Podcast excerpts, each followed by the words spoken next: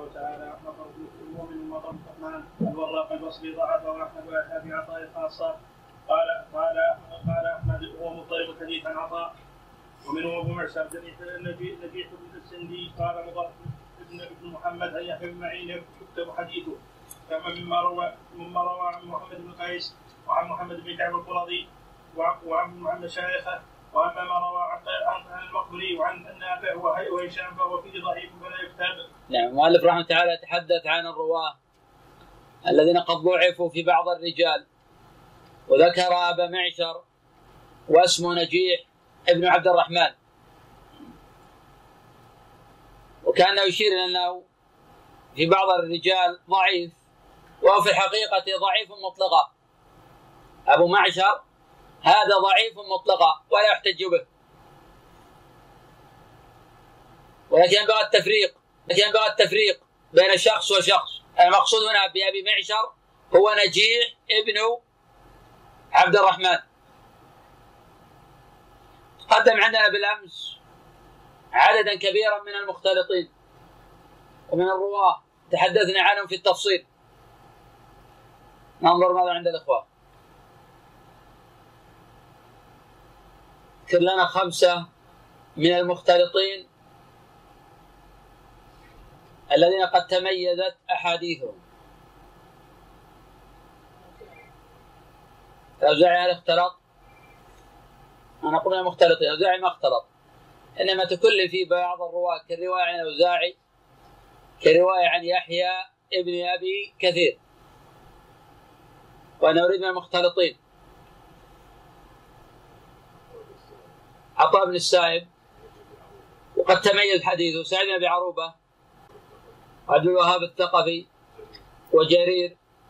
جرير حجر على اهله قبل موته بعام ولم يروى عنه أحد بعد الاختلاط نعم. وسفيان بن عيينة على القول بأنه قد اختلط قبل وفاته. كن لنا خمسة. يكتب ذلك. كن لنا خمسة ممن تغير حفظه ولم يختلط. نعم. على قول بالقول الآخر القول الآخر اختلط والقول الآخر تغير من هو؟ الثاني؟ إسحاق السبيعي. وعاهد على القول أيضا الثاني. نعم. وهشام على القول أيضا هشام المطلق. نعم قيل ينبسط في الرواية ليس لأجل الاختلاط ولا لأجل تغير حفظ إنما كان ينبسط في الرواية. كلنا خمسة من إذا روى عن طبقة معينة يتكلم فيهم وهم ثقات مطلقا. سواء في بلد ضعاف أو في أشخاص لا بأس به.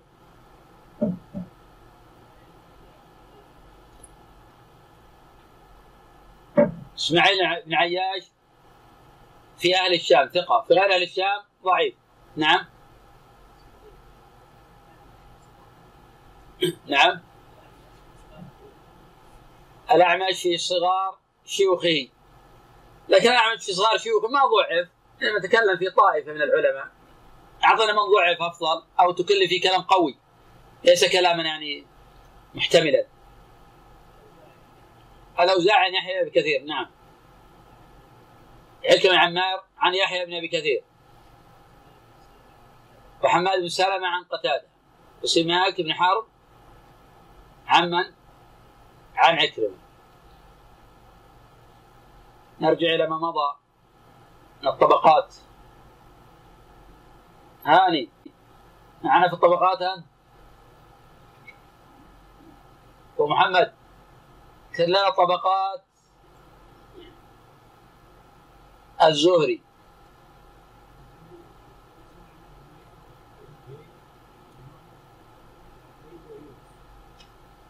هو من علية القوم. من علية القوم. كلنا طبقات مالك.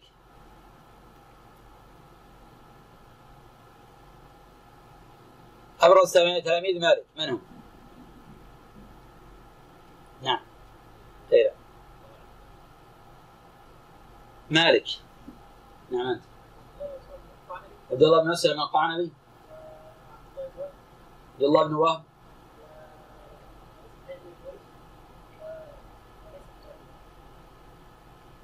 من هو؟ من الأخ نعم صار اللي بعد من؟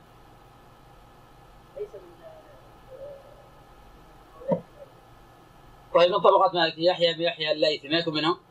أبو مصعب ما يكون منهم؟ عبد الله بن مسلمة نعم والشافعي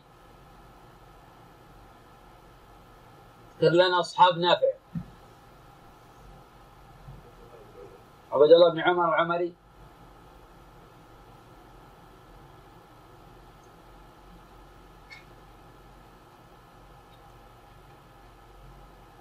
ما رجعت. تنسى. لابد من نراجع الرجال لابد يراجعون. كلنا أصحاب نافع. عبد الله بن عمر العمري وعمر بن نافع في من هو أحفظ منهم أو أضبط في حديث عبد نافع منهم نعم. نعم. إثنان من أوثق الناس في نافع من هما؟ مالك وأيوب بن أبي تميمة السختياني. ستة التي تدور عليهم الأسانيد من هم؟ ناصر. الأعمش فين الأعمش؟ نعم. الاعمش في الكوفة. متى ولد الاعمش؟ سنة 60 متى توفي؟ 148 صحيح. أبو إسحاق السبيعي. وما أبو إسحاق السبيعي. حجازي اليمني هذا خيارات خيارات مصري. حجازي. شامي. شامي كله غلط ما أعطيتك شيء من الخيارات الثلاث هذيك خيار ثانية. إسحاق السبيعي كوفي مدني مكي. كوفي. نعم. قلنا الأعمش قلنا إسحاق السبيعي. عمرو بن دينار. ما هو عمرو بن دينار؟ مكي بصري مكي انت أكيد؟ نعم أكيد مكي نعم. بقي اثنان.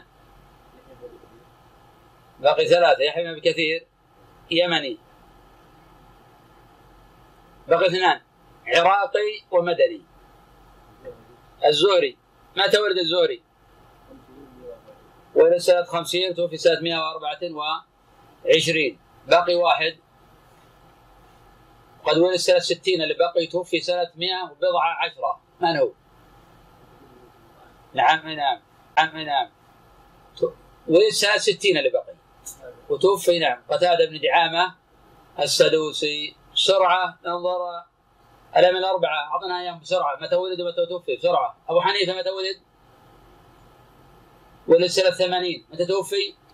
650 مالك متى ولد؟ سنة 93 متى توفي؟ 179 شافعي متى ولد؟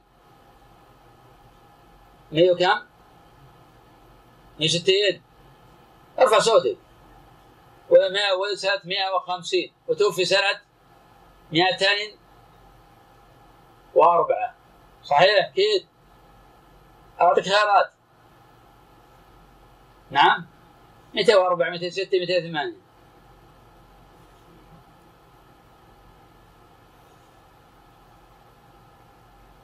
خليك على الأولى.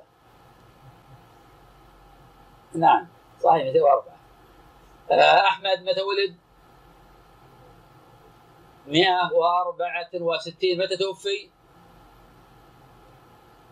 250 240 كلاهما غلط. أعطيك خيارات. 238 و39 و41 41 صحيح. نعم.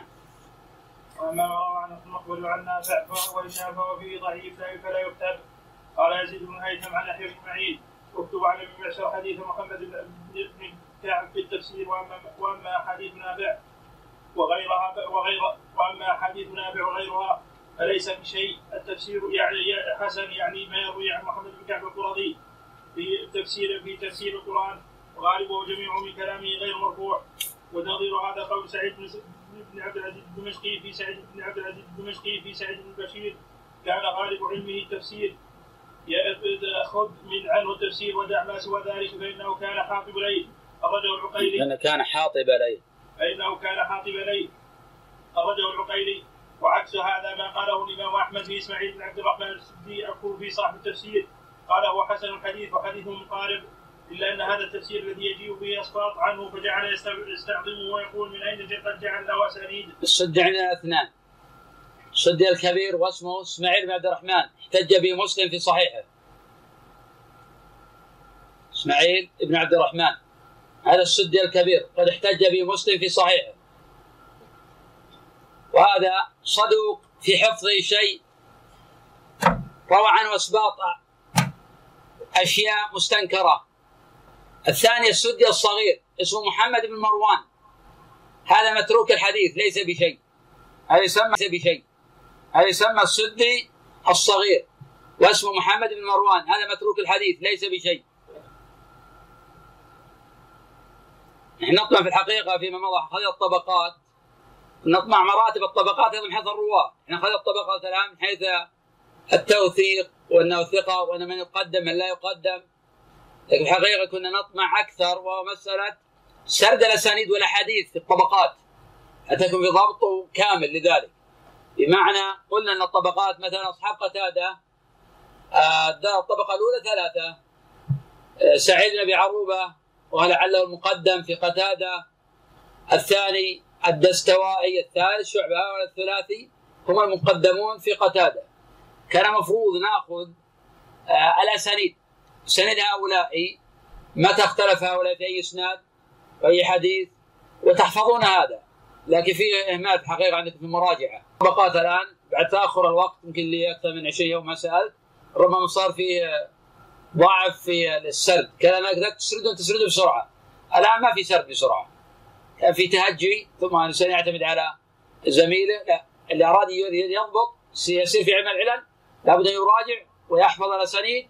ويراجع الطبقات ويراجع أسانيد الطبقات. يعني بحيث يستحضر انه قد اختلف فلان وفلان وفلان أوثق. فهذا دلالة على ذلك. قلنا خلي أصحاب شعبة مثلا أوثقهم عن غندر ويلي الطيالسي ويحيى بن سعيد. طيب من ما إلى حديث اختلف فيها؟ ما نقدم فلان على فلان. ففي هذه الحالة تستطيع أن تضبط. إحنا نذكر مثلا أصحاب شعبة في الاختلاف في حديث من سمع النداء؟ حديث شعبة والاختلاف في حديث عبد الله بن زيد. أوتي يا رسول الله عليه وسلم بثلثي مد هل صحت الرواية بثلثي مد وقد اختلف في ذلك غندر وهو المقدم في شعبة. روى الحديث عن شعبة عن حبيب بن زيد الأنصاري. ثم ذكر في اسناده قال أوتي رسول الله بثلثي مد خالفه الطيالسي ويحيى بن سعيد. القطان وجماعة. فرووا عن شعبة ولم يذكروا أوتي بثلثي مد إنما أوتي رسول الله صلى الله عليه وسلم بماء فجعل يدلك ذراعيه. وهكذا لابد من حفظ آه، الأحاديث والأسانيد حتى نناقش فيما سيأتي. فاحفظوا ذلك وأتقنوه. نعم.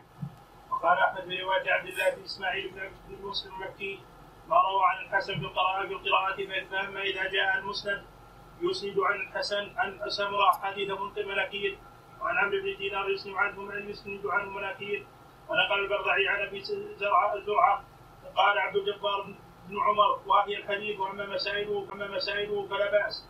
قال البرعي وكانه كأنه يقول حديثه واهب وسائله ومسائله مستقيمة يعني ما روى عن من المسائل عن ربيعه وغيره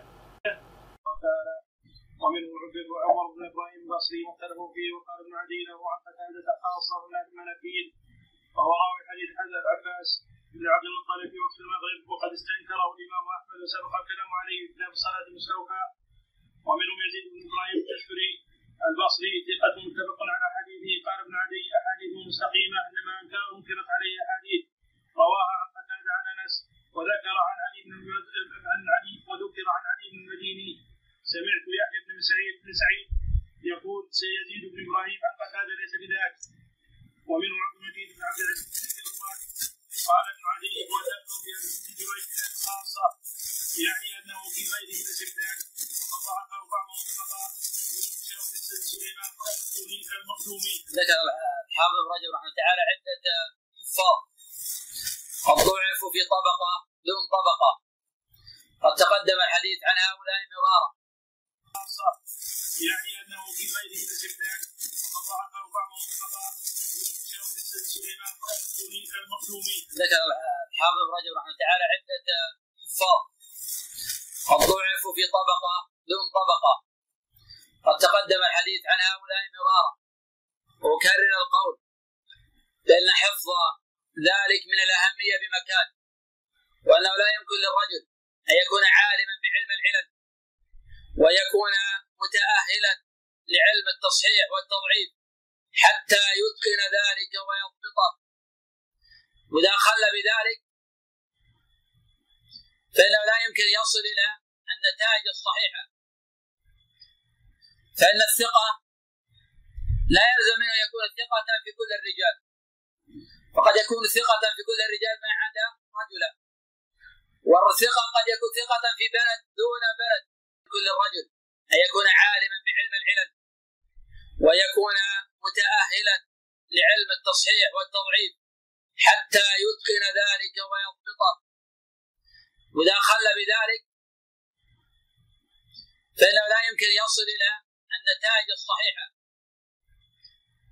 فإن الثقة لا يلزم منه يكون ثقة في كل الرجال. فقد يكون ثقة في كل الرجال ما عدا رجلا. والثقة قد يكون ثقة في بلد دون بلد. لكان سينظر إلى ظواهر الإسناد. يصحح على ظواهر الإسناد. لأنه يجني على السنة. كحديث مثلا أبي إسحاق السبيعي عن الأسود عن عائشة رضي الله عنها.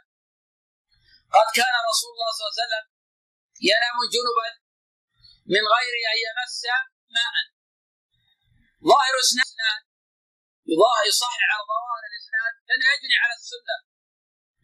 كحديث مثلا أبي إسحاق السبيعي عن الأسود عن عائشة رضي الله عنها. قد كان رسول الله صلى الله عليه وسلم ينام جنبا من غير أن يمس ماء.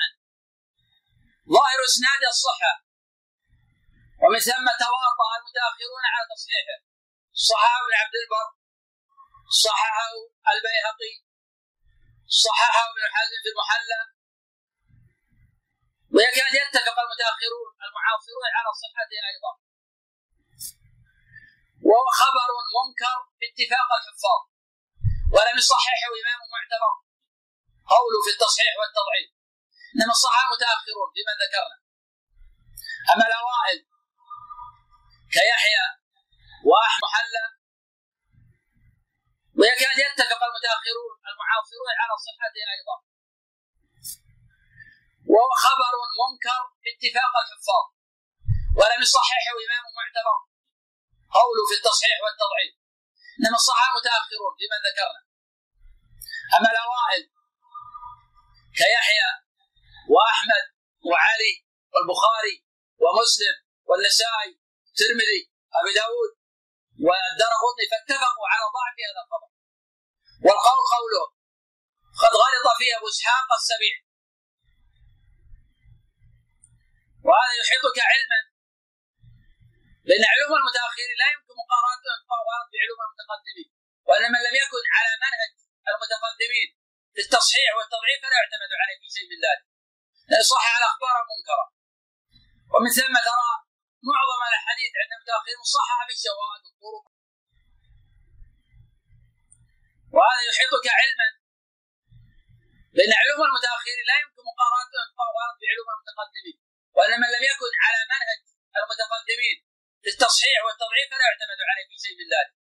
لأن صح على أخبار المنكره ومن ثم ترى معظم الأحاديث عند المتاخرين مصححة بالشواهد والطرق ونحو ذلك. وأوصل الحديث الآن إلى خمسين ألف حديث طرق متابعات وشواهد. بينما الاحاديث الصحيحه لا يمكن تتجاوز عشر آلاف حديث صحيح عن رسول الله صلى الله عليه وسلم. ولا تجاوز خمسين ألفا ما ندري في ماذا إلى متى يصلون أيضا. صحيح الأخبار ممكن المتابعات طرق والشواهد والزيادات والألفاظ والغرائب وأحاديث المتأخرين. بينما الأوائل يعني ينظرون للمتأخر لا يقبلون حديثا. إذا تأخر وأتى في الأصول أنكروا حديثا جعلوا هذا علامة على طرح حديثه. فمن ذلك حديث أيضا معمر تجاوز 50000 ما ندري في إلى متى يصلون أيضا. صح الأخبار ممكن المتابعات طرق والشواذ وزيادات والألفاظ والغرائب وأحاديث المتأخرين. بينما الأوائل يعني ينظرون إلى المتاخر يقبلون حديثه إذا تأخر وأتى في الاصول أنكروا حديثه تعرف هذا علامة على طرح حديثه. فمن ذلك حديث أيضا. معمر عن ثابت البناني عن أنس. أن النبي صلى الله عليه وسلم قال أفطر عندكم الصائمون وأكل طعامكم الابرار وصلت عليكم الملائكة. بعض الناس يزيد زيادة وذكركم الله في من عنده ولا أصل لهذه الزيادة. هذا الخبر ظاهر إسناد الصحة. هذا الخبر ظاهر اسناده الصحة. ثقة عن ثقة عن ثقة. والذين ينظرون إلى ظواهر الأسانيد يصححونه ولذلك يكاد يتفق المتأخرون على تصحيحه. هذا الخبر؟ يكاد يأتي صلى الله عليه وسلم قال افطر عندكم الصائمون واكل طعامكم الابرار وصلت عليكم الملائكة. بعض الناس يزيد زيادة. وذكركم الله في من عنده. ولا أصل لهذه الزيادة. هذا الخبر ظاهر إسناد الصحة. هذا الخبر ظاهر إسناده الصحة. ثقة عن ثقة عن ثقة. والذين ينظرون إلى ظواهر الأسانيد يصححونه ولذلك يكاد يتفق المتأخرون على تصحيحه. هذا الخبر يكاد يتفق المتأخرون على تصحيحه. وهو خبر ضعيف. معمر ثقة رجال الجماعة هذا لا إشكال فيه. وإنما الإشكال أنه رواه عن ثابت البناني. وثابت البناني ثقة لا نزاع في إمامته. ولكن معمر إذا روى عن أهل العراق وخاصة البصريين منهم وثابت بصري أتى بالمنكر يتفق المتأخرون على تصحيحه. هذا الخبر يكاد يتفق المتأخرون على تصحيحه. وهو خبر ضعيف. معمر ثقة رجال الجماعة هذا لا إشكال فيه. وإنما الإشكال أنه رواه عن ثابت البناني. وثابت البناني ثقة لا نزاع في إمامته. ولكن معمر إذا روى عن أهل العراق وخاصة البصريين منهم وثابت بصري أتى بالمنكرات وأتى بالعجائب. فهذا الخبر منكر ولا يصح. وليس له طريق ثابت. قد ضعفه علي بن مديني وغيره من الحفاظ ومن ذلك حديث عبد الرزاق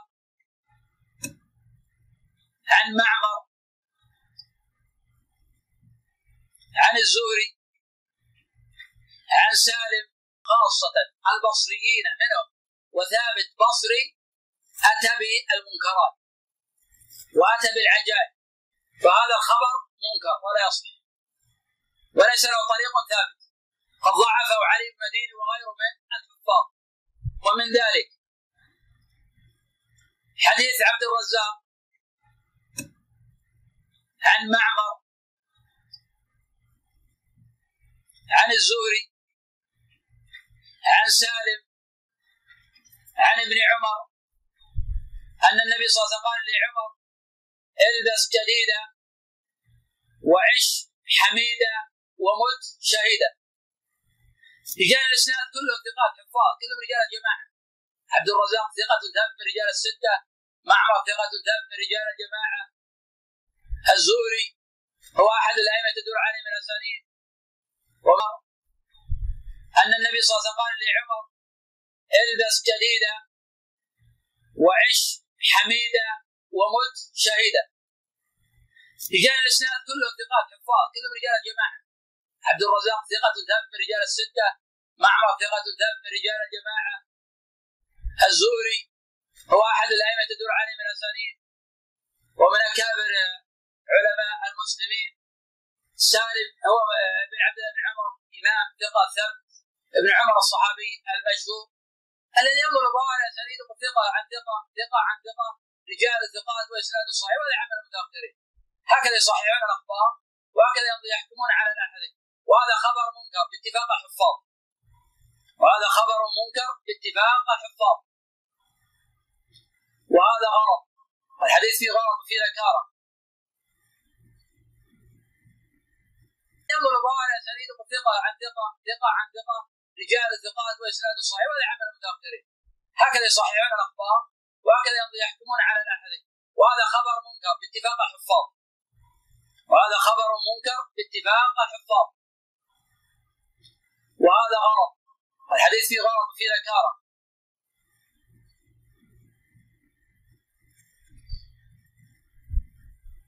وأحيانا أيضا يتفرد بالخبر الصدوق ولا يقبل خبره لأنه قد تفرد بأصل. الصدوق إذا تفرد بأصل يتوقف في حديثه. لأن أين الثقات عن هذا الخبر؟ فمن ذلك يقول للمحدث شيوخ كثيرون. كالزهري مثلا. أصحابه جمع غفير لكن رؤوس الحفاظ من أصحاب الزهري هم مع أصل. الصدوق إذا تفرد بأصل يتوقف في حديثه. لأن اين الثقات عن هذا الخبر. فمن ذلك يقول للمحدث شيوخ كثيرون. كالزهري مثلا. أصحابه جمع غفير. لكن رؤوس الحفاظ من أصحاب الزهري هم معمر بن راشد ويونس بن يزيد وابن عيينة ومالك وشعيب وعقيل بن خالد. إذا أتى بلفظه ابن إسحاق عن الزهري ولا روى هذه اللفظه هؤلاء الحفاظ نعلم أن هذه اللفظه غير محفوظة. من ذلك حديث معمر عن الزهري في صلح الحديبية وفي البخاري. أتى ابن إسحاق فروى الخبر عن الزهري وذكر في وضع الحرب عشر سنين.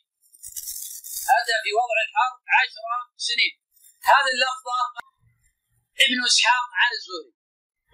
ولا روى هذه اللفظة هؤلاء الحفاظ. نعلم أن هذه اللفظة غير محفوظة. من ذلك حديث معمر عن الزهري في صلح الحديبية وفي البخاري. أتى ابن إسحاق فروى الخبر عن الزهري وذكر في وضع الحرب عشر سنين. أتى في وضع الحرب عشر سنين. هذه اللفظة غير صحيحة. لأن أصحاب الزهري ما ذكروا هذه الزيادة وإنما ذكرها ابن إسحاق. أحيانا أيضا حتى الثقة كمعمر عن الزهري عن محمود بن الربيع عن عباده بن الصامت أن النبي صلى الله عليه وسلم قال لا صلاة لمن لم يقرأ بفاتحة الكتاب فصاعدا لفظة فصاعدا منكرة. يعبر عنها بالشذوذ شاذة. مع أن الذي زادها ثقة الإمام وهو معمر. أحيانا أيضا حتى الثقة كمعمر عن الزهري عن محمود بن الربيع عن عبادة بن الصامت أن النبي صلى الله عليه وسلم قال لا صلاة لمن لم يقرأ بفاتحة الكتاب فصاعدا لفظة فصاعدا منكرة. يعبر عنها بالشذوذ شاذة. مع أن الذي زادها ثقة الإمام وهو معمر. ولكنه تفرد بهذه اللفظة عن أصحابه. فأصحاب الزهري الحفاظ الكبار لم يذكروا هذه الزيادة فصاعدا ومن ثم أعرض البخاري رحمه الله عن هذه الزيادة عمدا.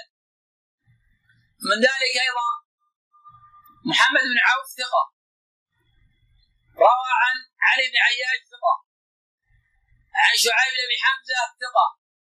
عن ابن منكدر ثقة عن جابر بن عبد الله ذكر هذه الزيادة فصاعدا ومن ثم أعرض البخاري رحمه الله عن هذه الزيادة عمدا.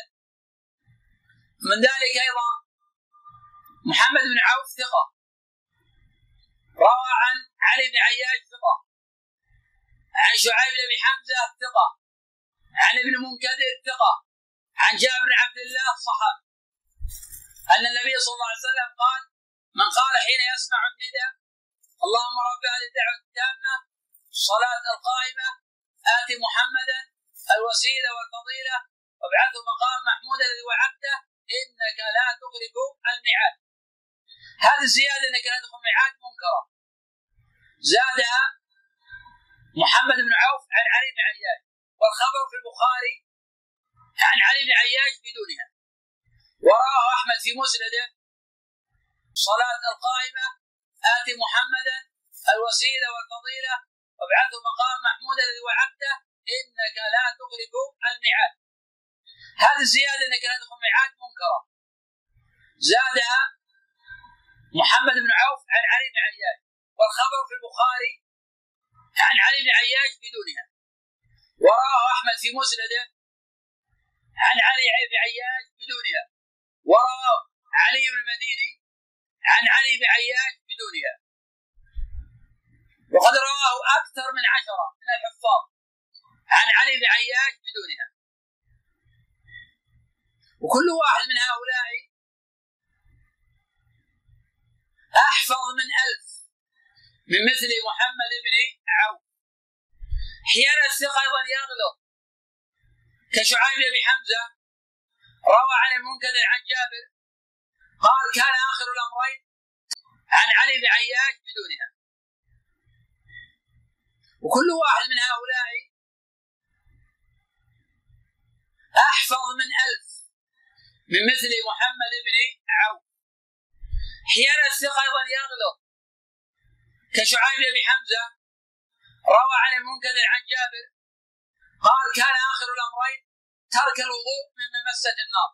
احتج بهذا الحديث من يقول بأن أكل لحم جزور لا ينقض الوضوء. وهذا في نظر. فإن هذا الخبر غلط. وإن كان رجاله حفاظ إن كان رجاله حفاظا. لأن شعيب بن أبي حمزة اختصر الحديث فغلط فيه. قد رواه الحفاظ بلفظ أن النبي صلى الله عليه وسلم أكل من كتف شاة ولم يتوضأ. فاختصر وقال كان آخر ما ترك الوضوء من ممسة النار. فغلط في الاختصار. وكان رجاله حفاظا. لأن شعيب بن أبي حمزة اختصر الحديث فغلط فيه. قد رواه الحفاظ بلفظ أن النبي صلى الله عليه وسلم أكل من كتف شاة ولم يتوضأ. فاختصر وقال كان آخر ما ترك الوضوء من ممسة النار. فغلط في الاختصار. واتى على هذا الوجه المغلوب. كما بين ذلك أبو داود في سننه. وأبو حاتم في العلل. وابن حبان في صحيحه. فهذا الخبر غلط. إذا الثقة قد يغلط. إذا لا اعتماد على ظواهر الاثنين هذه الأمثلة كلها منوعة. باحكام متنوعة على أن لا اعتماد على ظواهر الاثنين وأن من اعتمد في التصحيح والتضعيف على ظواهر الاثنين فقد جنى على السنة.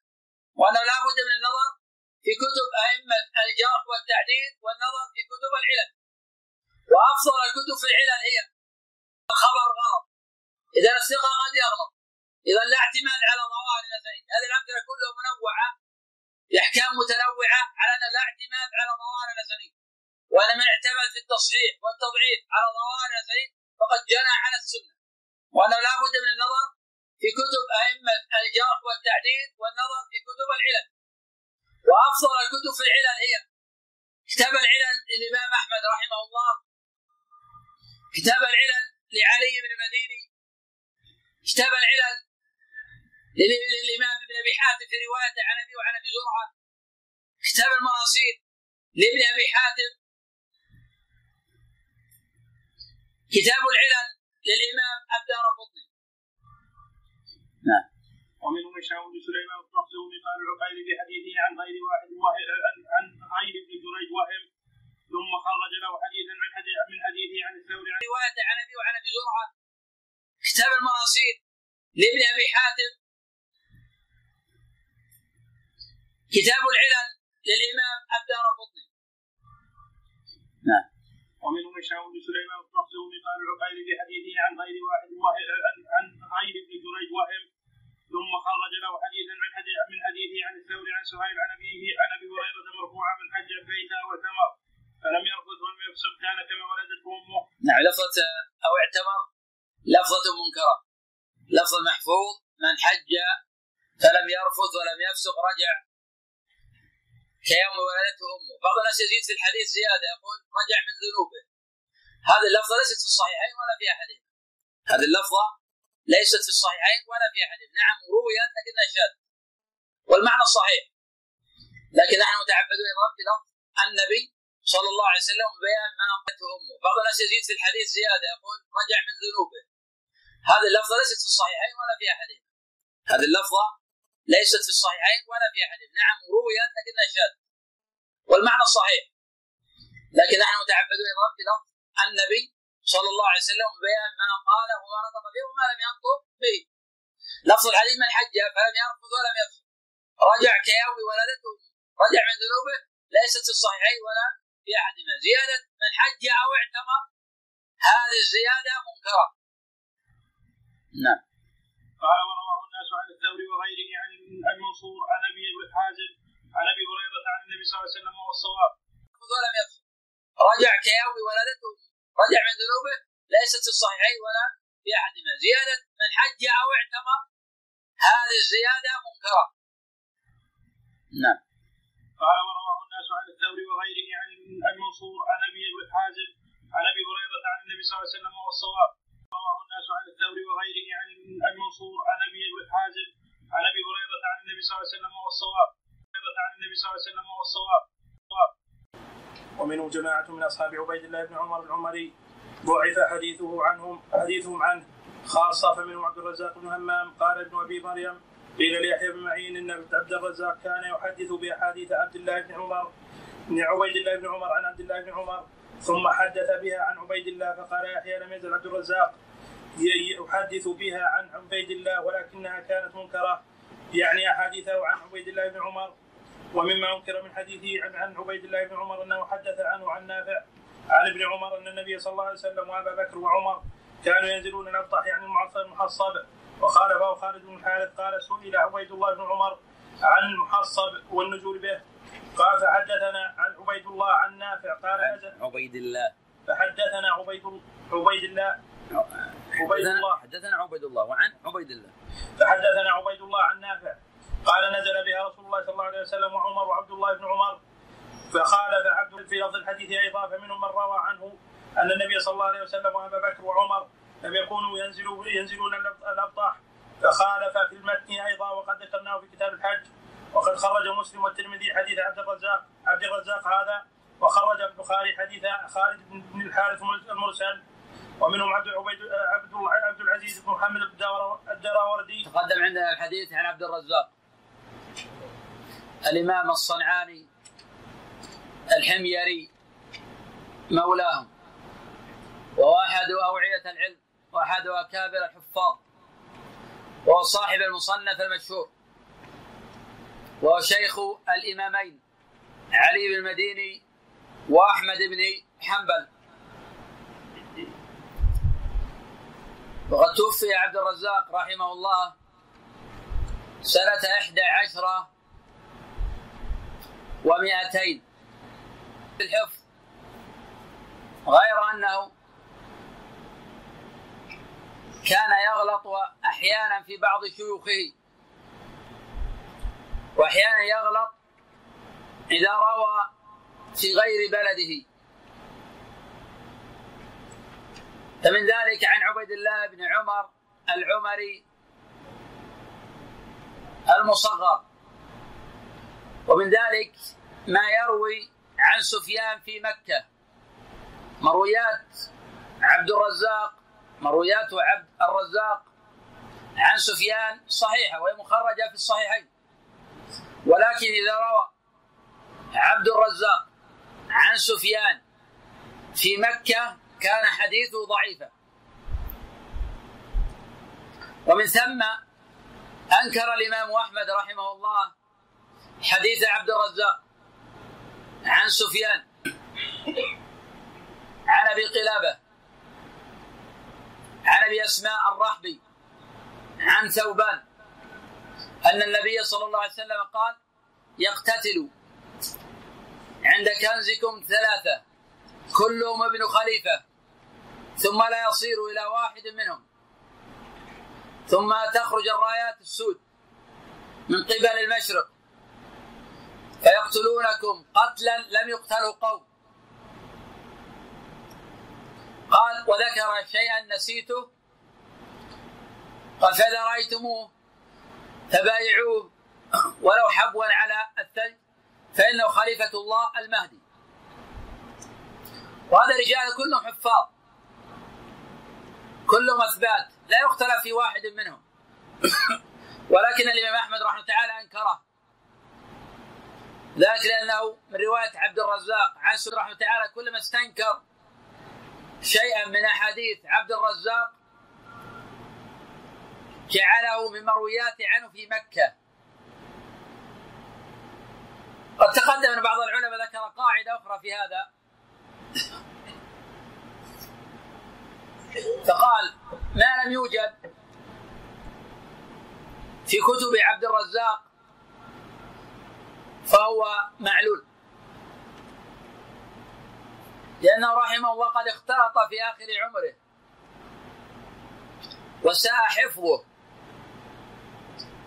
ولكن العلة في سفيان روى عنه في مكة. أما ما روى عنه في اليمن فهو ثبت. نعم. ومنهم عبد العزيز عبد العزيز بن محمد الدراوردي. قال أحمد حديثه عن عبيد الله بن عمر تشبه حديث تشبه حديث عبد الله. في حديث الدراوردي عن عبيد الله بن عن عبيد الله عن نافع عن ابن عمر. من اتى عرافا فصدقه بما يقول لم تقبل له صلاة أربعين يوما أربعين ليلة. قال والناس يرونه عن عبد الله بن عمر عن نافع عن ابن عمر. وليس يشبه هذا حديث حديث وليس يشبه هذا حديث حديث عبيد الله. ورواه الدور ورواه الدراوردي عن أبي بكر بن نافع عن أبيه عن صفية بن ابي بنت أبي عبيد عن عمر عن النبي صلى الله عليه وسلم. ثم قال وعن عبيد الله بن عمر عن نافع عن ابن عمر مثله مثله. قال قال قلت والصحيح أن عبيد الله بن ابن عمر إنما رواه عن نافع عن صفية عن ابي بنت أبي عبيد عن بعض أزواج النبي صلى الله عليه وسلم وهذا صح من حديث أبي بكر بن نافع. قال ابن المديني وقد خرجه مسلم في صحيحه من طريق يحيى القطان عن عبيد الله كما ذكرناه وقال النسائي الدراوردي ليس به بأس حديثه عن عبد الله عن عبيد الله بن عمر منكر ومنهم قبيصة تقدم عندنا عبد العزيز وقد احتج به مسلم رحمه الله في الأصول. وخرج له البخاري رحمه الله تعالى ما تابع عليه غيره. قال عنه الإمام أحمد رحمه الله تعالى ثقة في كتابه ضعيف في حفظه. وقد روى عن عبيد الله بن عمر العمري المصغر عن نافع عن ابن عمر عن النبي صلى الله عليه وسلم احاديث لا تشبه أحاديث عبيد الله. وكان يرفع أحاديث. ومن ثم قال النسائي رحمه الله كل شيء رواه عبيد الله بن عمر. كل شيء رواه الدراوردي عن عبيد الله بن عمر المصغر فهو عن المكبر. ومن ثم سلم في النزول على اليدين هذا معلول. والصواب وقفه على ابن عمر ولا يصح رفعه. وإنما رفع الدراوردي. وكذا تكلم الإمام أحمد رحمه الله في مرويات عبد العزيز بن محمد الدراوردي. عن عبيد الله بن عمر العمري. وأن مرويات عبد العزيز عن عبيد لا تشبه مرويات الثقات عن عبيد الله. وهذا مما استدلوا به على الغلط وعلى سوء الحفظ. وهذا يطلعك أيضا على أمر مهم. وأن الأئمة رحمه الله تعالى لا يحكمون على الأسانيد بمجرد الظواهر. رواة ثقات وهو منكر. تقدم بالأمس عدة أمثلة على هذا. كحديث ابي إسحاق السبيعي عن الأسود عن عائشة كحديث عبد الرزاق عن معمر عن الزهري عن سالم عن ابن عمر هذا على شرط الستة قصة غيلان. كحديث عبد الرزاق عن معمر عن ثابت البناني عن أنس هذا على شرط. الجماعة على الطريقة التي تقول بأن كل من خرج له الشيخان فهو على شرط الشيخين هذه الطريقة مغلوطة بينا غلطها مرارا. وأن هذا الخبر معلول فإنه من رواية معمر عن أهل البصرة وكل ما روى معمر عن أهل البصرة فهو غلط. ما معنى شرط الشيخين؟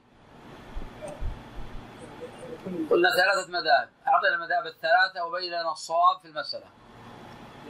بنفس ترتيب موجودين في الصحيحين. هذا القول الأول.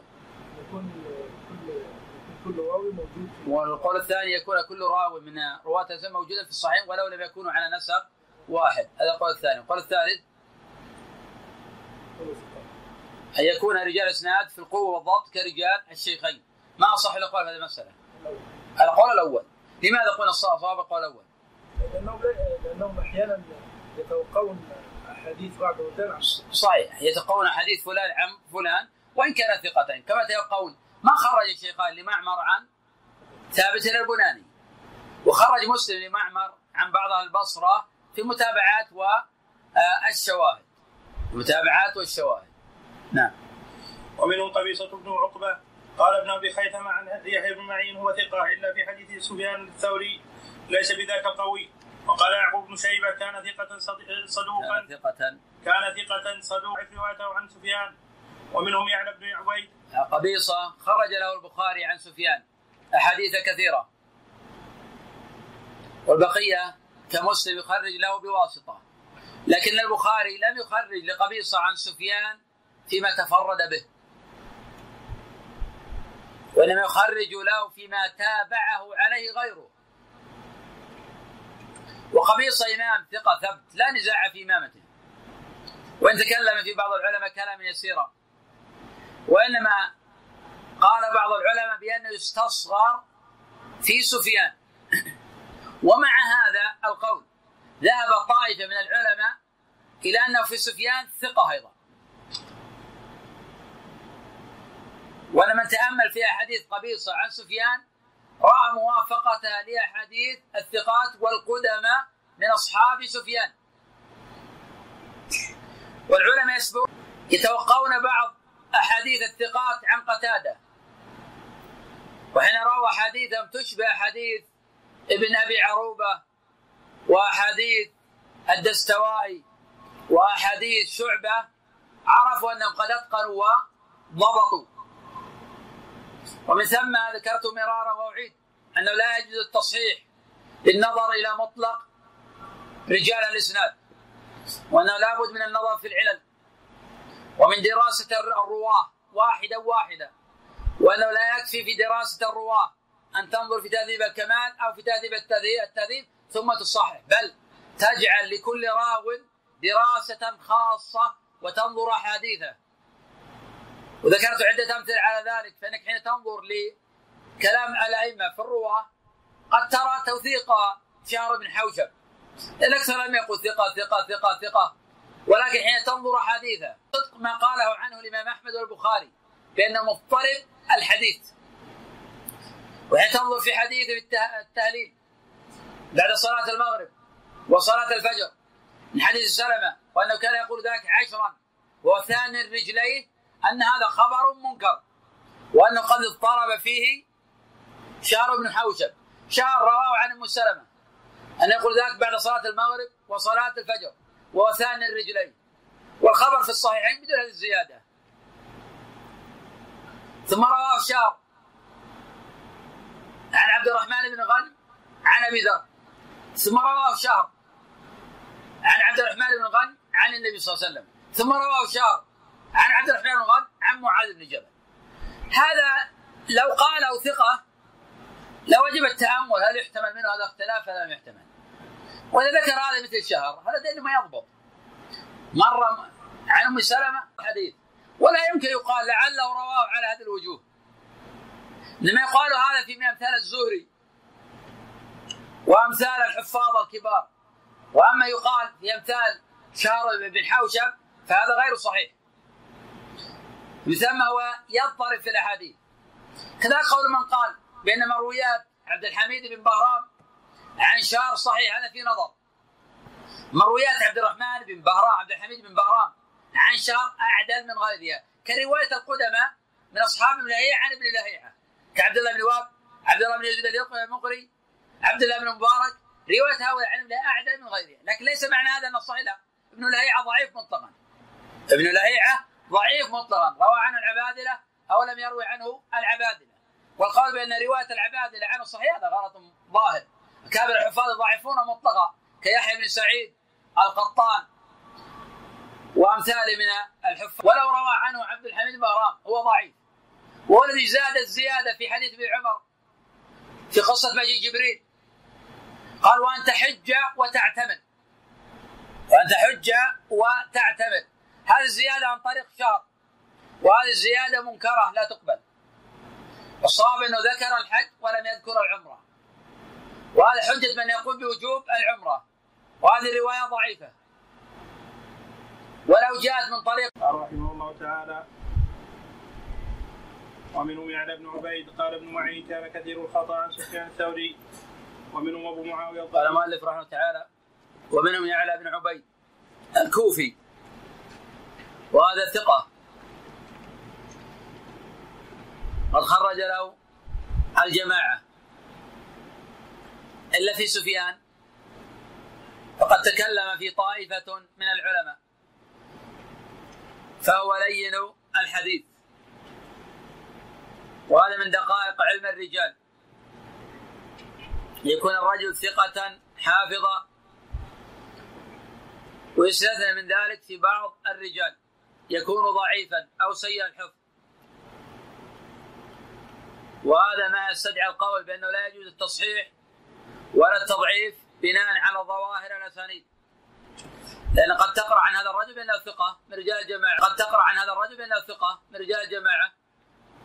ولكن لم تقرأ استثناء لتوثيقه وأنه في فلان ضعيف. فلا بد من التركيز على هذا الجانب. لأن من صحح بناء على ظواهر الأسانيد فقد ظلم السنة.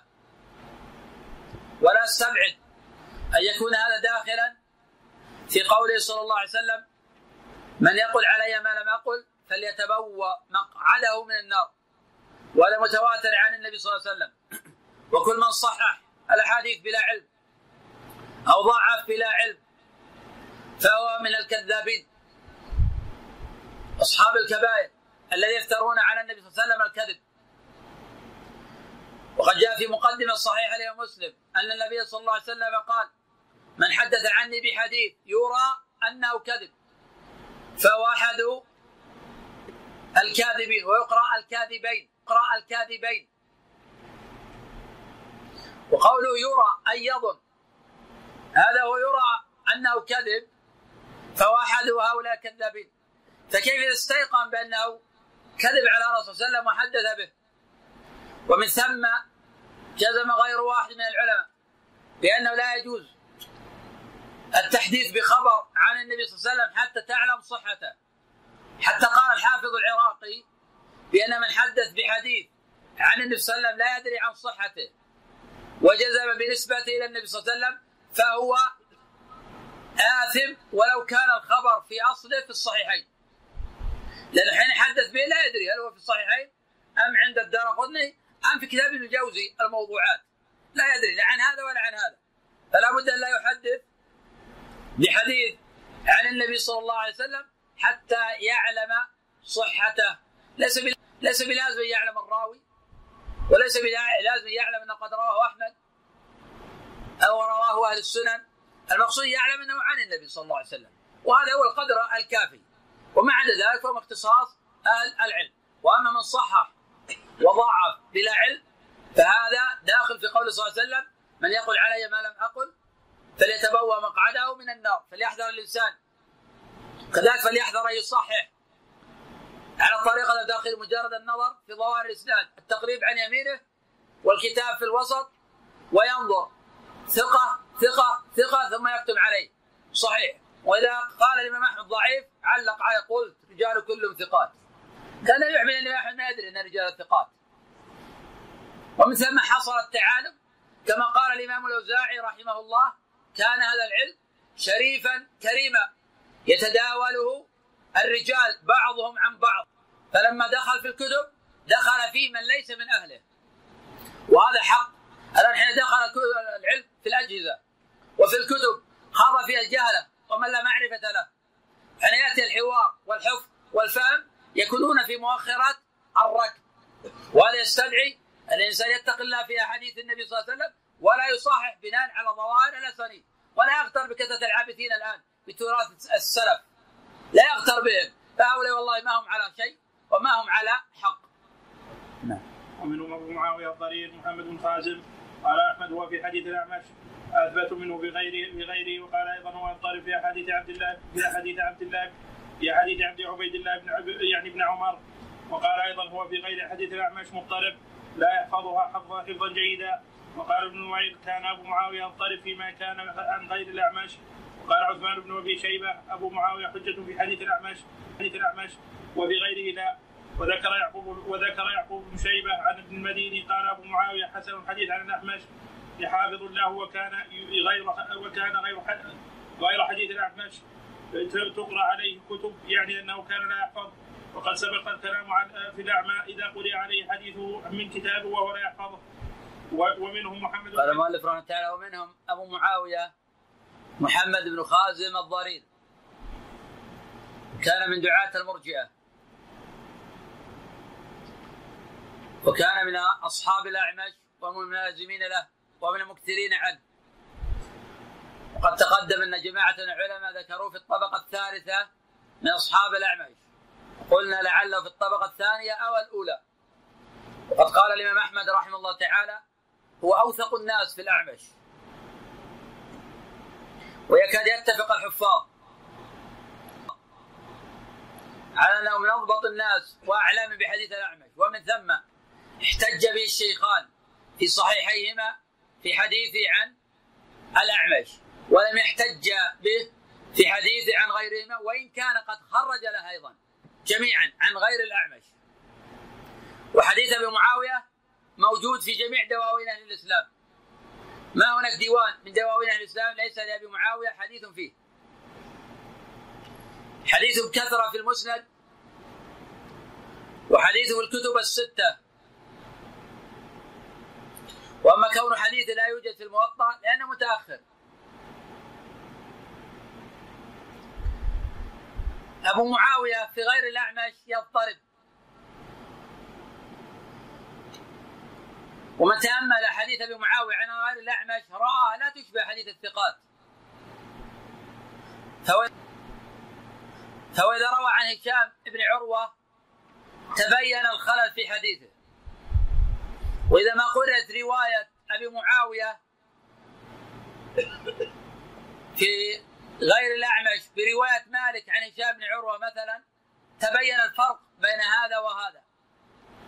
ومن هذا أيضا مرويات أبي معاوية عن عبيد الله بن عمر العمري فيها نظر.